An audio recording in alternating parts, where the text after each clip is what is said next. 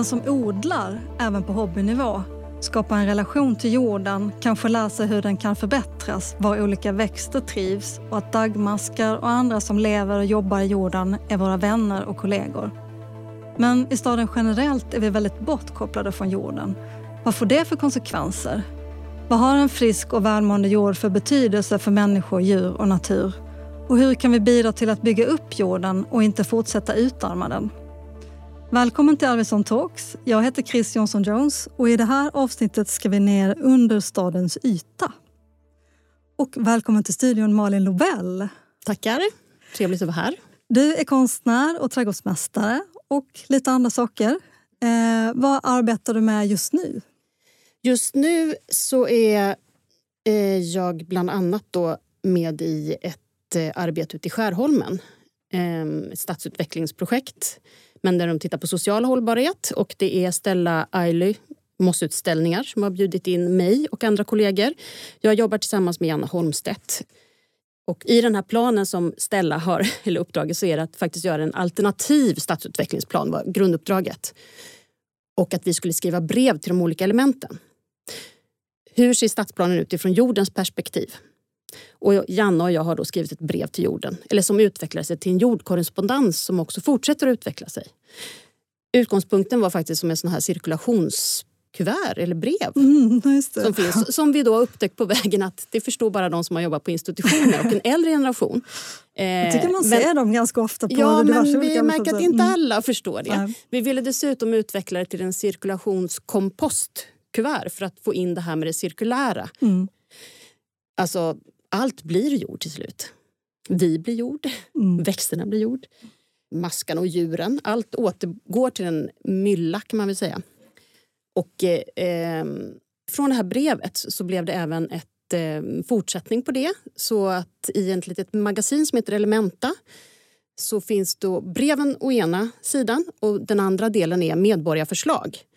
Vilket är intressant som verktyg att just jobba med att som med, medborgardeltagande, att påverka sin närmiljö och påverka framtiden. Mm. Alltså då kommer ju konsten in igen att kunna skriva både realistiska förslag men även tänka lite mer så att man kan inspirera och vända perspektiv för ett mm. annat tänkande. Tänker jag. Du jobbar även med jord i projektet Humus Economicus. Kan du berätta lite om det? Ja, det är ett eh, forskningsprojekt eh, som leds av Janna Holmstedt som är konstnär och konstnärlig forskare. Det är ett tvärdisciplinärt projekt. Vi är sex stycken i eh, det här teamet. kan man säga. Jenny Lindblad, som du också pratar med här, som är stadsplanerare. Mm, som vi kommer till ja, lite senare. Precis, ja. Eh, är med. Karin Vegsjö som är filmare och regissör. Och eh, Kristina Fredengren som är arkeolog och environmental humanities. Och Cecilia Åsberg som också har posthumanistiska feministiska ingångar. Ehm, så det är ett forskningsprojekt på fyra år med stöd från Formas som både har konst, miljöhumaniora och det här posthumanistiska perspektiven. Och där är det viktigt att Ja, en undertitel på projektet är ju jordblindhet och mm. Eh, myllans värde mm. i urbaniserade landskap. Just det, jordblind, när vi pratade före det här, den här inspelningen, mm. jordblindhet tyckte jag var ett väldigt, väldigt bra begrepp. Ja. Kan du berätta mer hur ja. ni har tänkt kring det? Vad, vad, betyder det för er? Jordblindhet, det är egentligen den som, det som vi inte har någon kunskap av och inte kan se så att säga, kan man ju säga att man är blind för. Mm. Det finns kanske lite mer etablerat är att man pratar om växtblindhet. Och det är som man tittar ut genom fönstret, allt är grönt. Okej, man ser inte nyanserna, eh, växterna har inget namn. Mm. Liksom, den där. Och det kan man ju säga, tycker jag, speciellt då när vi pratar också om jord, dirt, ett, alltså om kommer in på språket här med mm. jord. Dirt är ju ett visar ju på något sätt, ja ja, skräpet, skitet, det mm. överblivna, mm. Eh, mm. dammet. Eh, det är något som inte har något värde och inte har något namn. Så att motverka jordblindheten, kunna se livet, förstå den, få en relation till det, skulle jag mm. säga, är det som är viktigt. Och där kommer den där med att hylla myllan är också ändå att, att lyfta upp och se värdet av det. Mm. Vi jobbar med olika sätt och metoder och är mitt i det här ja, projektet ja. nu.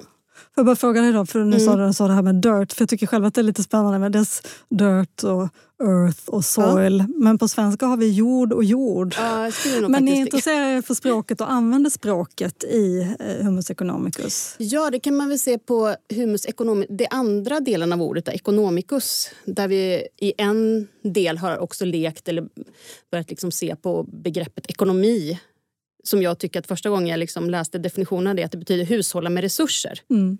Och då blev jag bara, det var lite sån, aha, men nu har mm. vi kommit... Alltså vi, till vardags och för de mest, flesta människor vad ekonomi betyder idag så är det inte det. Ja, vi är långt ifrån det. Vi är långt ifrån mm. det. Så ett sätt att reclaima begreppet så har vi lite jobbat med att se att vad är det egentligen som, som är värdefullt som vi ska värna eller skapa värde kring så är jorden någonting som är helt essentiellt för vår överlevnad. Eller man ska säga. Vi är både en del av det och det är det vi lever av. Eh, så att vi har liksom gjort en del så här mer performativa händelser för att liksom lyfta det här genom att då låna begrepp från ekonomi som kapital, det kan ju vara komposten. Tillväxt är också något så ord, det är mm. liksom det där som växer till. Eh, näringsliv, då, näringslivsvätskan. Alltså när, när du bygger en kompost av bruna och gröna material och du tillför vätskan och så får du det här liksom mm. som komposteras och ger en rik mylla och ett rikt liv. Så att, eh, och en värdetransport. Vi har stått och pressat jordmynt kan vi säga. Och det är ju bara en intressant bild av att man förr, så, de stora jordbrukarna, det här med att ha en stor gödselstack utanför bondgården var ju ett tecken på välfärd. Ju större mm. stack du hade desto rikare var du. Det har vi lite glömt bort tror jag. Vi tar en liten paus där och lyssnar på Jenny Lindblad som ska berätta om vad jorden har för betydelse när vi bygger stad. Jenny Lindblad är socialantropolog och forskar på Kungliga Tekniska högskolan i Stockholm, avdelningen för urbana och regionala studier. Hon undersöker bland annat vilka processer som styr hållbarhetsfrågor i planering och stadsutveckling.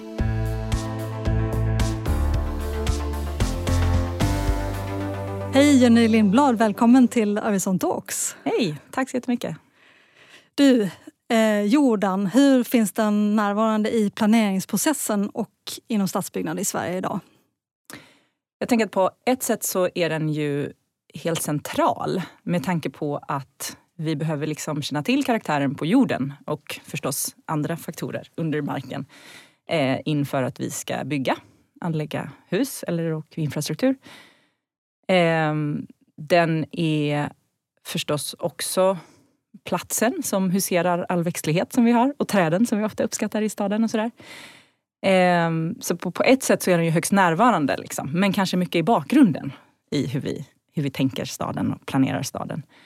Eh, och i den forskning jag har gjort och försökt nysta lite grann i på vilka sätt jorden kommer in i mer tydligt i planeringsprocesser så skulle jag säga att det framförallt är när man börjar titta på jordbruksmarken och kanske vill titta på vilken mark man vill undvika att exploatera på.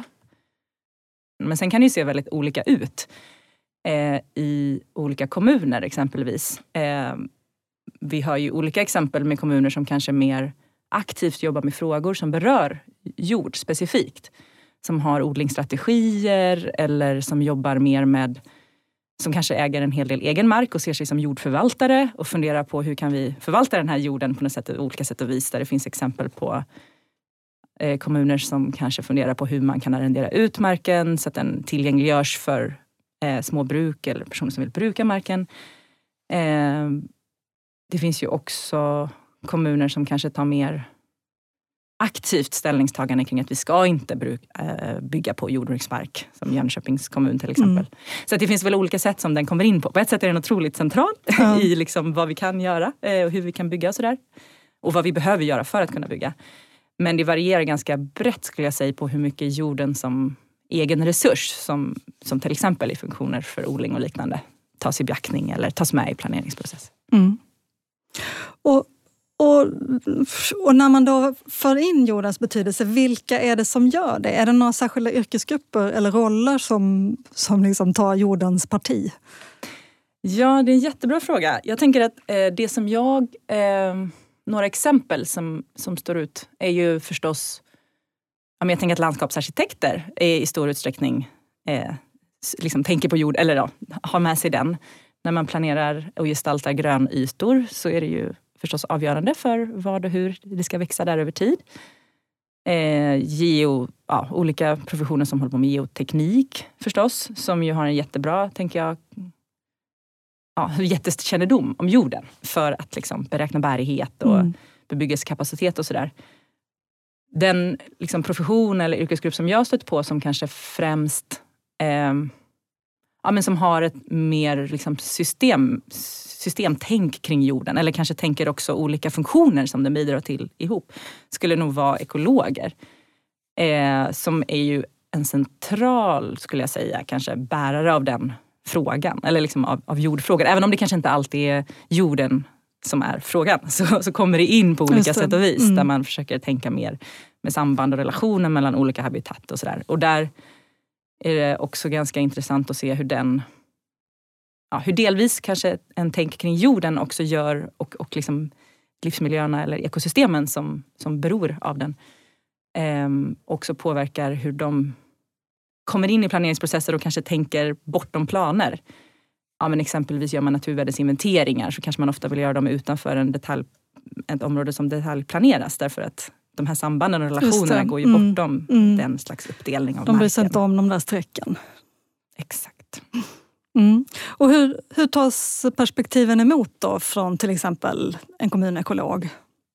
Vad jag förstår så är det absolut eh, en ökad förståelse och en ökat intresse eh, av frågor som relaterar till jord. Eh, brett liksom inom, inom planering. Eh, och en hel del som jag har pratat med berättar att ja, men det, det finns ett större intresse. Det finns ett större mottagande för de här frågorna. Men sen vad som görs med det i praktiken är nog en annan sak. Mm. Eh, och utmaningen kanske med att, att ställa om och faktiskt en konkret sak som ofta dyker upp är liksom utmaningen med att få med sig jordfrågor som kan handla om, eh, om man tänker jordfrågor som, som liksom dyker upp genom växtlighet exempelvis. Eller eh, frånvaro av hårdgjord yta eller att låta bli att, det kan handla om när man kanske anlägger mark, att låta bli att ha tunga maskiner över särskilda områden för att det är en särskild liksom, eh, naturtyp där eller liksom jord ja, som behöver en annan varsamhet. Att kännedomen om det i ett tidigt skede, planeringsskede, eh, att föra över det liksom i genomförandet. Mm. Där brukar det vara en utmaning. Så att mm. intresset finns tror jag. Mm. Men kanske mer frågor och utmaningar kring men hur gör vi det här i praktiken? Ja, så prioriterar man bort det då i slutändan i alla fall? Ja, ibland kanske det är rent bara bortprioriterat för det är andra frågor som får ta prioritet. Eh, och ibland så kanske det är bara liksom kommunikationsöverföringen eller liksom föra över vikten av mm. till, till eh, ett senare skede om att de här liksom, som kanske i det stora hela framstår som små frågor är otroligt viktiga för att vi ska se till att bevara de här livsmiljöerna, den biologiska mångfalden, förutsättningarna för eh, ja, olika naturtyper att, mm. att kvarstå i en miljö som man exploaterar. Eh, så att, kanske både intresse och liksom, mm. förståelse för och en organisatorisk utmaning. Ja.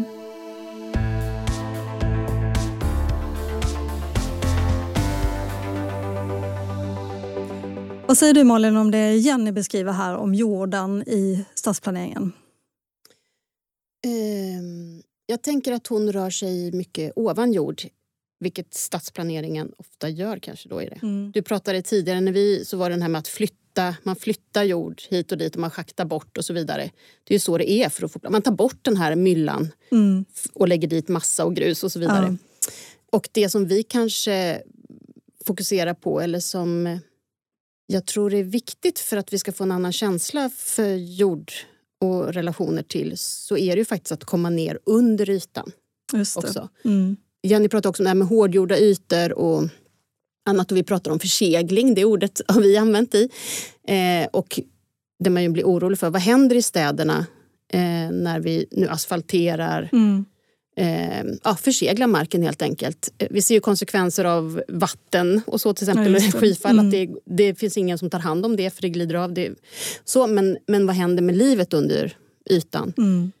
Finns det något liv kvar liksom, efter en asfaltering? Mm. Um, alltså det finns ju så fantastiska förmågor hos de här småkrypen. Det finns liksom en del som går ner i dvala. Och de kan ligga i dvala väldigt länge. Så en jord behöver ju inte vara helt förstörd. Ah, okay. eh, men mm. man kan väcka den men det, när den får rätt förutsättningar. Man måste mm. tillföra det där som Just ger det. liv igen. Mm. Men kan inte du hjälpa till här? Så här, vad är jord? Eh, grundelementet är liksom att ja, men en del är mineraler som kommer från berget. Liksom, det. Den stora, det här som vi kallar för humus eller myllan, det som blir vår topsoil. Eh, det är ju mycket organiskt material och då är det till stor del växtdelar till exempel. Eller då andra små djur och sånt som har dött och så vidare. Mm. Och blir. Humus är en ganska fin definition också på det ordet. Det är när, när någonting har brutits ner så mycket som man inte längre kan särskilja vad det har varit. Det tycker mm. jag är ganska fint. Varför är det här jordblindhet ett problem liksom, idag? Ja, men vi lever ju inte med jorden. Nej.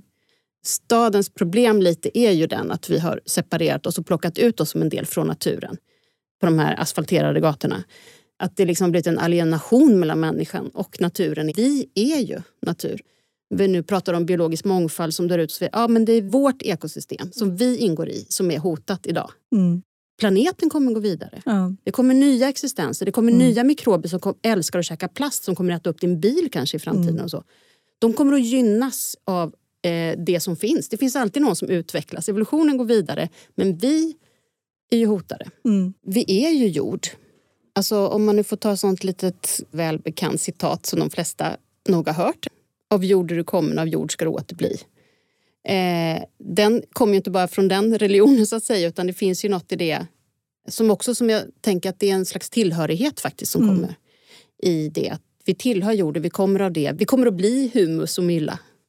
Och om man förstår den relationen då kommer man också bry sig om jorden mer. Ingenting är ju separerat från någonting annat egentligen. Vi lever på något sätt eh, genom varandra eller i mm. varandra eller med mm. varandra. Och att det faktiskt är relationer mm. egentligen.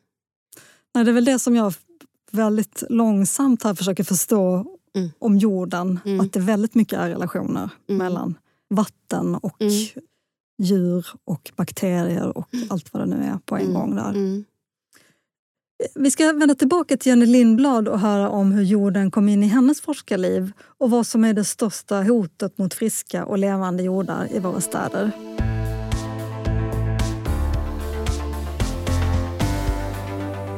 Jenny Lindblad, varför intresserar du dig för jorden? Hur kom jorden in i ditt forskarliv?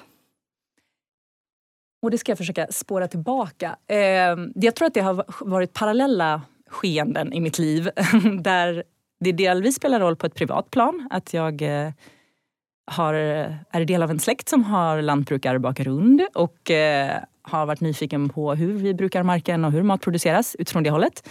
Och samtidigt parallellt har eh, jobbat eller forskat kring eh, planeringspraktiker både i Frankrike och i Sverige och liksom blivit allt mer intresserad av och nyfiken på vad är det för föreställningar om, om miljön och om om mark och om staden förstås som påverkar hur, hur vi planerar och vad vi gör för avväganden och vilka intressen som får ta plats.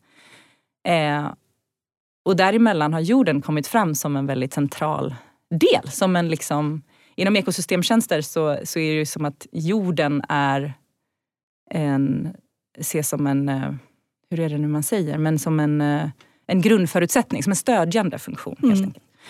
Eh, och det har väl ja, varit ett intresse att liksom lyfta fram den här stödjande funktionen och se vad den består i, vad den är, vilka relationer den inkluderar i och vad, vad händer när vi, ja, vad händer helt enkelt med planeringen utifrån hur vi förstår den. Mm. I nummer 15 av de globala målen står det bland annat att vi till 2030 ska sträva efter att uppnå en värld utan nettoförstöring av mark. Vad säger du Jenny, är vi på väg dit? Vad forskningen säger är vi väl inte på väg dit. Eh, och IPCC-rapporter. Och jag tänker att en aspekt av det här med eh, är ju ofta också att vi räknar med att vi kan kompensera för mm. förluster. Mm. Och då återigen så blir det lite beroende på hur vi förstår vad jorden är. Eller potentiellt kan det ändå påverka. Eh, vad är det egentligen vi kan kompensera? Kompenseringen, så som många ekologer jag har pratat med beskriver det, är ju sällan en reell kompensation för förlusten som blir av exempelvis hårdgjord yta. Men, men vilka är de stora bovarna skulle du säga? Vad är det som mest förstör jord eller liksom misshandlar jord i den urbana miljön? I Europa så är det i stor utsträckning hårdgjord yta idag. Att vi hårdgör mm. och vi bygger.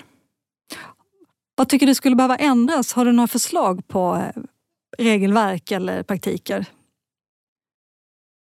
Eh, om vi börjar med organisatoriska aspekter eh, som jag har stött på så är det bland annat den här utmaningen, eller ibland i vart fall svårigheten med överlämning mellan ett planeringsskede och ett genomförandeskede. Där det kan finnas väldigt goda ambitioner och eh, genomtänkta förslag i, i planeringsskeden kring exempelvis vilka områden som, som inte ska hårdgöras kanske eller hur, och hur de ska driftas eller hur de, hur de ska se ut.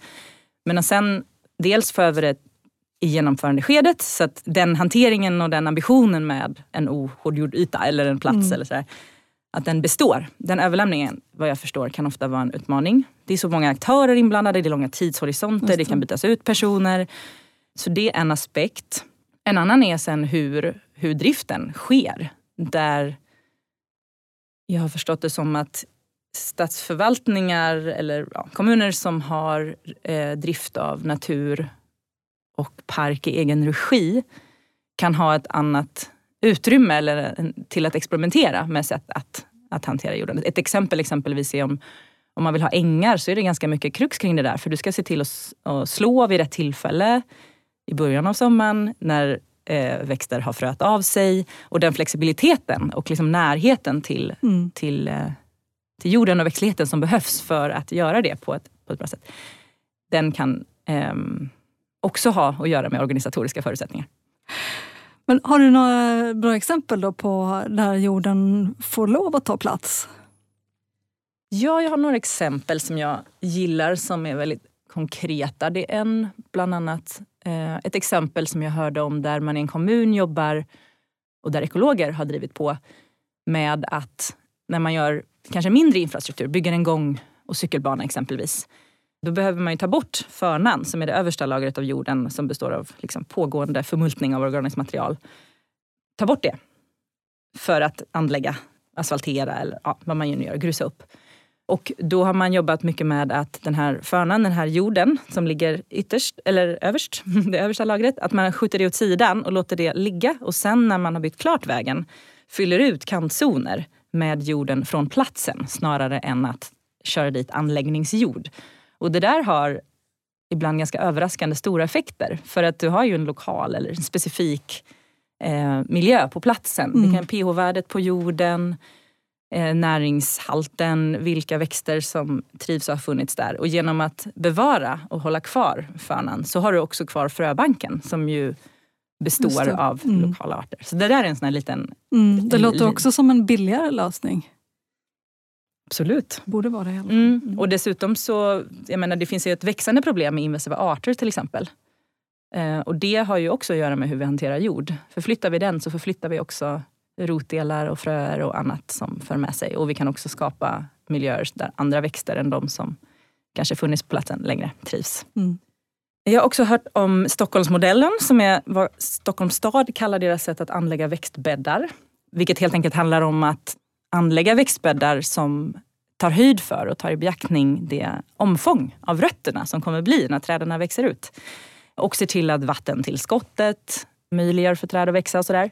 Och det är också ett sätt att, tänker jag, hantera konflikter mellan olika användningar i staden på ett sätt. Eftersom att anlägger man inte marken på det sättet att ta i beaktning vad växterna behöver så kommer också rotsystemen eh, förstöra mm. Eh, markläggningen och skapa nya utmaningar, problem och kostnader. Så man jobbar med växterna och inte mot dem från början då. Exakt.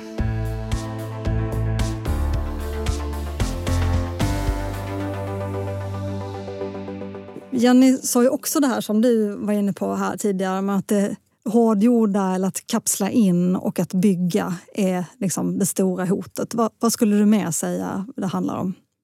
Ja, det är inte bara hårdgjorda ytor utan det är även jorderosionen.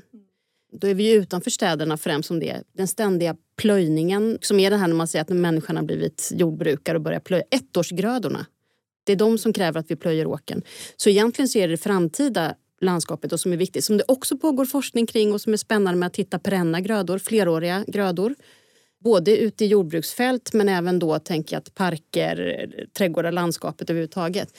Det som är viktigt med de fleråriga växterna är ju att de binder kol och det är den som är utmaningen ju på något sätt och som faktiskt växterna blir transportörerna för och jorden blir behållaren för den här kolet kan man ju säga. Växterna binder in koldioxiden så länge de lever. När de dör så bryter de ner det så att det ska ner i marken och förvaras där. Och så länge växten lever, så där är det också då till exempel ett träd är ju jätteviktigt. Den lever ju mycket längre. En ettårig växt hinner inte binda så mycket kol innan vi skördar den och bryter upp den. Så just den kolinlagringen motverkar jorderosionen och lagrar kol. Och där är växterna superviktiga. Det är de medarbetarna. Och jorden blir liksom behållaren då, av det. Det enklaste på ett vis är att plantera ett träd. Mm. Det viktigaste vi kan göra, för de är de bästa på att binda in koldioxiden. Mm. Men jag blir nyfiken också på din väg in i jorden. Mm. Hur, hur har den eh, gått den vägen? Ja, eftersom jag då jobbar med Alltså växter har gjort ganska länge olika perspektiv och relationer till växter. Allt från växtintelligens som är jättespännande. Ju. Det fantastiska med växterna är ju att de är, de är bland de mest resilienta organismer. Eh, och där har jag också varit jätteintresserad av vad vi kan lära oss av växterna på något sätt. Eller, så. eller hur vi kan samverka eller ha det är faktiskt också som växter är också sådana som hela tiden känner av sin omgivning på något sätt och det där hur man måste relatera, ingenting står självt. Ja, så att mitt eh, arbete och intresse för det, då hamnar man ju också i, de växer i jorden. Mm. Eh, bryr du dig om och eh, vill du odla växter så pratar man också om inom trädgårdsnäring så säger man egentligen odlar du inte växter utan du odlar jorden. Mata jorden för att få en bra skörd. Och där hamnade jag väl ner i att börja titta på det. Och sen så har jag en lite sen barndomen har alltid dagmasken varit lite speciell. Och eh, sen några år tillbaka jag gjorde ett verk som är vikten av att vara dagmask. Jag ville göra en hyllning till dagmasken. Darwins sista bok handlar just om eh, dagmaskar.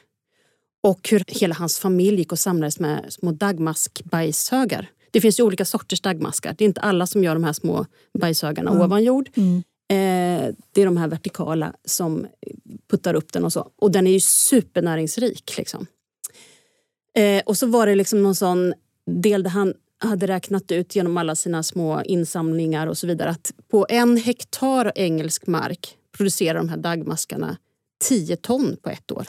Det är ganska mycket. Så jag tänker den lilla mm. viktiga jordproducenten som dagmasken är. Mm. Och då kände jag att den här vill jag lyfta upp och hylla. Och en jag har gjort det i några så lecture performance och olika arbeten men det är fortfarande en skiss att göra ett monument av den här. Men jag tänker ett framtida monument i Kungsträdgården. Flytta mm. ner Karl XII, krigarkungar som vill lägga marken under sig och gör en hyllning till masken där på mm.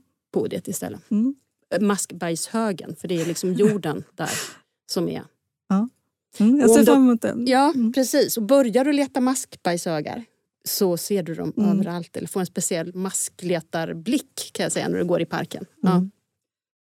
Men du håller också på med stadsodling. Mm. Kan du berätta om det? Hur jag kom in på det var nog också att mina olika ben både som konstnär och att jag jobbar deltagarbaserat och eh, som eh, odlings eller växtintresserad och, och trädgårdsmästare. Så. Stadsodling rymmer många olika ben att jobba med. Så att ha den som en utgångspunkt för att kunna lägga till andra lager av aktiviteter och så tyckte jag var intressant. Alltså både från det kulturella, ekologiska, sociala som jag tycker att de här platserna står för och är viktiga. Mm. Och jag är också för att det är att göra tillsammans i stan. Och en icke-kommersiell plats är också viktigt. Mm. Mycket kunskapsförmedling där du kan plocka in de här frågorna. I och med att vi står, och det är hands-on, du står med händerna i jorden. Du delar erfarenheter, du delar erfarenheter mellan generationer. Och du kan sen komma in på både liksom större perspektiv med hållbarhet eller klimat mm. och var vi befinner oss. Och för många upplever jag också att stadsodling kan vara en start när man är ny och inte har så mycket kunskap. Nästa steg så skaffar man en kolonilott mm. eller ett, flyttar ut på landet mm. eller vad som. Så mm. det har jag också upplevt att det mycket varit så att det är en ganska viktig plats just för kunskapsförmedling. Mm. Bellevue mm. Farm heter det där du är verksam? Ja, då. i Stockholm så är det Bellevue Farm sedan 2016. Mm. Och det som var viktigt där var också det vi hade med stan var att eh, för att kunna odla så måste du ha jord. på något sätt. Eh, och vatten. Och här fanns det varken jord eller vatten. Det var verkligen gravel eller grus liksom mm. mer. Eh, just då var det en speciell satsning faktiskt. Vi fick en del pengar. Så vi har helt enkelt vatten från stadsdelen och vi fick hjälp med att anlägga en del. Men sen är det också viktigt att den är en flerårig odling. Det är långsiktigt. Det är på allmän parkmark. Ehm, så att där är det inte bara medlemmarna som, som har tillträde till den fast det är medlemmarna som sköter och skördar och sår och så vidare. Mm. Men annars är det ju pallkragar ofta till stadsodling och det är inte jättebra vad jag har förstått av dig då. Nej, jag är inte så förtjust Nej, i det. Vad är, vad är det eh, som inte funkar så bra med det? De här pallkragarna då är det också på den här tillfälliga ytan som sen ska bebyggas. Mm. Då kan det vara bra. Och är det en förgiftad mark och så att du har pallkragen som, som liksom tillfälligt. Men om man nu ska tänka att man bygger de här jordrelationerna vi har pratat om här mm. och långsiktigt eh, så är det ju inte bra. Plus att man idag, en pallkrage den är 80 gånger 120 20 centimeter hög. Mm. Vad ryms i den? Så tar man dit ett par påsjordar. Mm. Eh, det, som inte kommer från platsen? Då, som då inte kommer från mm. platsen, som inte har något mikroliv direkt. Eh, nu ifrågasätts att de innehåller så mycket torv. Att, mm, eh, ja, mm. precis, det kommer massa olika aspekter. Så jag tror att påsjorden är högaktuell just nu. Hur tänker vi kring det? Eh, du har inte vattnet. Eh, ja, men dels är det svårare att hålla intresset vid liv för att man kan tröttna snabbare på mm. den. Plus en viktig aspekt som jag tänker är att ibland får stadsodling kritik av att den liksom smygprivatisering av det offentliga rummet. Eh, och då tänker jag att den risken av att det på något sätt känns ganska privat är ju mycket större när det står några pallkragar där uppställda. För, för mig som inte odlar där så är det inte, alltså jag går inte och sätter mig där med mina vänner och har picknick på någons lilla pallkragekant. Liksom. Nej. Så den platsen blir inte riktigt till för mig. Medan jag tänker att de här större, att, att satsa och tänka att en del av en park är en slags matpark, en social kunskapspark. Mm, mm. Eh, ja, den ger tillträde och tillgänglighet för mycket större eh, tillgång för stan. Ett mer hållbart tänkande mm. tycker jag. Men om man, ibland pratar man ju om hur viktigt det är att staden ska bidra till matproduktionen. Den frågan tycker jag är lite knepig för jag tror inte riktigt på det. Va, va, vad säger du om det? Nej, det är intressant. Det har ju varit, nu är inte jag helt uppdaterad kanske på allt där. Mer än att det känns som att i det här stadsodlingsnätverket och där vi liksom ett tag så, och det började komma de här hydroponiodlingarna mm, och så säger man att stan ska växa och försörja sig själv. Och det kommer den ju inte att göra. Nej. Alltså det handlar ju om det är många olika sätt vi måste försörja befolkningen med mat. Mm. Så det är inte bara en lösning. liksom. Men, eh, och det som stan skulle kunna det är ju kanske då med de här liksom som inte kan transporteras så långt. Sallad, krydd, alltså mm. en del grönsaker. Men de här bulkvarorna, potatis, säden, de stora, det kan ju stan aldrig Nej. göra. Så det... Så stadsodlingen fyller andra funktioner än vad du kan ju dryga ut liksom. Mm. Men också att den har mer en, för att inte tappa den relationen med jorden till exempel och med naturen eller det som växer. Förstå var maten kommer ifrån. Mm. Ja, nu kan jag dra en av mina specialhistorier här där jag bara hört den värsta liksom, som ett barn som säger till mamma, men mamma varför har de tejpat upp äpplet i trädet? och då tänker jag, men okej, okay, alla ungar som bor i stan har inte sett en ko liksom och förstår att den här biffen kommer från men äppelträd tänker jag ändå är ett av de vanligaste. Sådär. Och mm. om vi har kommit så långt så att man inte vet att äpplen växer på träd då är det mycket att jobba med liksom, mm. för att kolla den här relationen levande. Så, mm. eh, så att det tror jag att oavsett hur mycket mat som produceras i stadsodlingen så är det ju viktigt med den här för att också få respekt förståelse för de som odlar vår mat. Mm. Till exempel. För de har det ju inte så himla lätt. Eh, jag tänker bönderna mm. och de har inte så speciellt fett. Nej. Malin, jag tänker att vi ska runda av, men undrar om du skulle kunna läsa lite ur den här fina jordkorrespondensen. Det skulle vara intressant att höra vad ni har haft för eh, snack med jorden, du och Janna. Ja, jag kan läsa vår inledning här och början på cirkulationskomposten. Vi kallar dig massa, sand, ler, silt, grus, morän, podsol. Vi säger att du fyller olika funktioner och utför tjänster. Vi spränger, krossar, gräver, förflyttar och kör tunga maskiner över dig, som om du vore livlös. Vi känner inte dina invånare särskilt väl.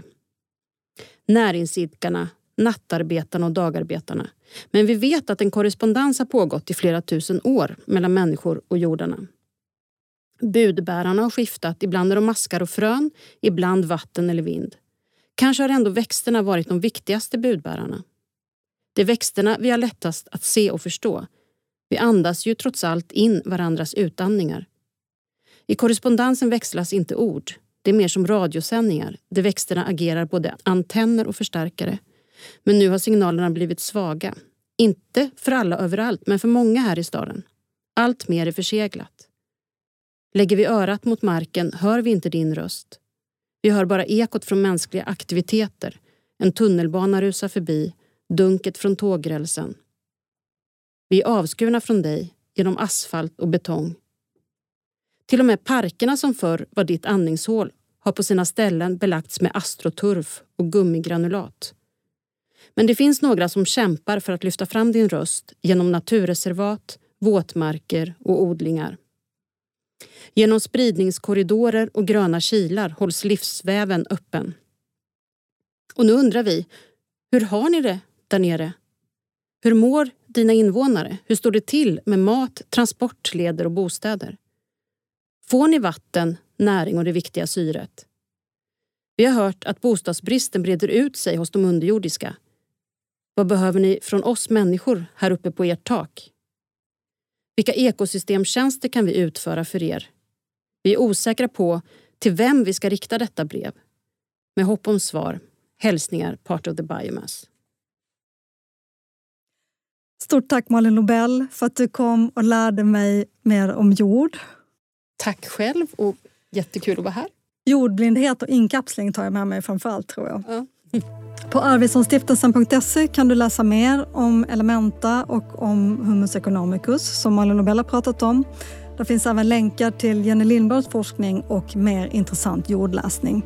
Arvidssonstiftelsen arbetar med hållbar stadsutveckling genom forskningsfinansiering, kunskapsförmedling och i stadsbyggnadsprojekt. Tack du som har lyssnat. Sätt gärna betyg på podden och avsnittet och följ oss i sociala kanaler. Vi hörs. Hej då! Hej då!